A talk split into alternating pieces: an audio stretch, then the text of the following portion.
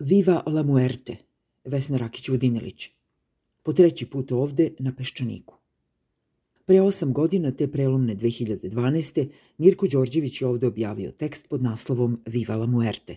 Opisao je književno veče i svoj doživljaj te večeri povodom knjige Dobrice Ćosića Bosanski rat, uključiv i ciničan iskaz jednog od prigodnih i podobnih govornika o uzdržanosti autora prema tom ratu.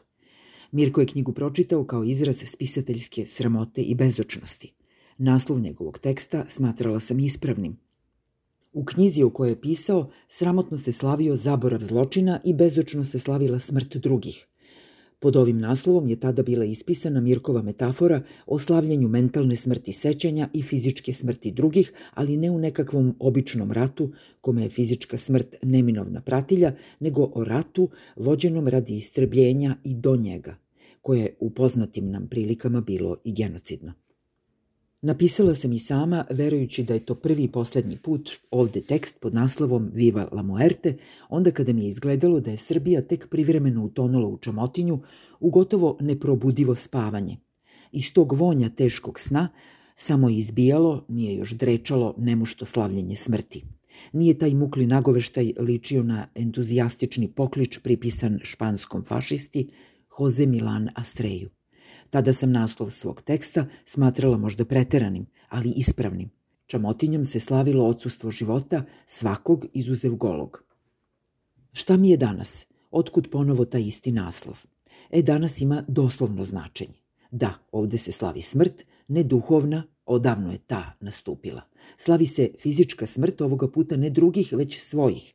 Slave prekomerni i neverodostojni izborni pobednici. Slave ne samo obesno, nego i osvetnički. Slav je gospodar Srbije, a osobito njemu pokorni, ne pitajući se o razlici između autoritarnosti i autoriteta. Slave je uz sublesaste pokliče i gestove, kolosalno, negraciozno i nedostojanstveno, duvajući jedni drugima u lica ozarena, očarana. Slave je olako držeći da ih neće sustići zarazna bolest. Slave zločinački prikrivene smrti bezimenih svojih građana. Lažu o svemu što se zaraze tiče, od nepostojećih testova preko besnog pira sa nenabavljenim respiratorima do broja ljudi kojih više nema. Lažu da su pobedili zarazu, nevidljivog neprijatelja, pa organizuju izbore tako da se niko zapravo ne bira, nego se samo jedan natura i nameće sve sa imperatorskim sladostrašćem koje uključuje cenu bolesti i verovatne smrti odanih ili ucenjenih birača. Pa onda, nezadovoljni monolitnom jednopartijnošću nekog budućeg parlamenta koji neće biti ništa drugo nego lomna kulisa, organizuju after party, to jest post izbore, ne bili ugurali još nekog svog pod lažnim imenom drugog. I to pošto se istina o pravim razmerama zaraze i smrti izmigoljila, Neka obična državna vlast uglavnom bi nastojala da izbegne ili umanji haos. Ova neobična, lažljiva, slavljenju smrti vična, haos organizuje, neguje i na očigled svih nas dovodi do absurda, optužujući građane za širenje bolesti, preteći motkama, ograničenjima i drugim sankcijama koje imaju nastupiti kad after party jednom prođe. Uz svu tešku podnošljivost ovdašnje vlasti, lako bi bilo kada bi se nekud moglo pobeći ne tek na odmor, već u neki drugi život. No prostor za bekstvo se, zaslugom virusa i odnosa prema njemu, zastrašujuće suzio. Razumem da se ljudski život ne može organizovati bez neke ekonomije i da se zatvaranje svega moralo ublažiti. Kako je u Evropi to učinjeno, može se pročitati u jednom sažetom, ali dovoljno ilustrativnom tekstu How is lockdown being lifted across Europe?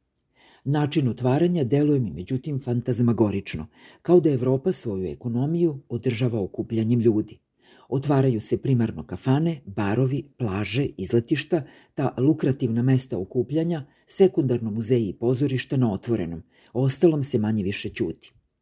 Kaže se uz prećutnu samorazumljivost da je korona bolest siromašnih, onih koji zbog skučenih životnih prostora nisu u mogućnosti da se distanciraju. Nije baš tako. Svi se razboljevaju, ali uglavnom siromašni umiru. Pristojnije vlasti nastoje da prikriju ovakav raspored smrti. Naše ga promovišu, slaveći svoje pobede na izborima, u nepostojećim privrednim dostignućima, zasnovanim na bednim nadnicama, nad nevidljivim neprijateljem koji je izvojevao srušeni zdravstveni sistem, a stvarno mali broj preostalih upornih profesionalaca. Nije to beznačajna razlika. Odgovor građana na katastrofu u osnovi je posvuda sličan. Mi se svugde skupljamo, volimo da budemo zajedno, to je naša ljudska priroda, tako je nastalo društvo, za razliku od plemena. Nije da ne volimo da se društveno distanciramo u klase, ali izvesno ne volimo fizičku distancu.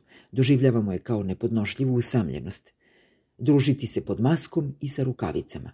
Možda, ako ih ima, ako su dostupne, ako nam verodostojni autoriteti na razumljiv način objasne zašto je to neophodno. Neka mogućnost izbora u našim malim svakodnevnim životima postoji. Neću ići sa prijateljima u kladionicu, ali hoću na izlet. Neću ići autobusom, nego pešice ako mogu, ili taksijem ako imam novca. Ići ću da se lečim u dom zdravlja ako moram, jer ne mogu da platim privatnog lekara. Sva ova ako su izraz razlike između jakih i nemoćnih ili između imućnih i siromašnih. Nemoć i siromaštvo negiraju mogućnost izbora. Društvo u kojima preovlađuju oni koji nemaju, oni koji nemaju mogućnost izbora, umnožila su se do razmera koje su bile nezamislive do pre samo par decenija. Ljudi koji žive tek goli život su većina, tanka manjina živi život dostojan čoveka, dobacuje nam Đorđo Agamben pravo u lice – a mi ne želimo da vidimo razliku ili više nismo u stanju.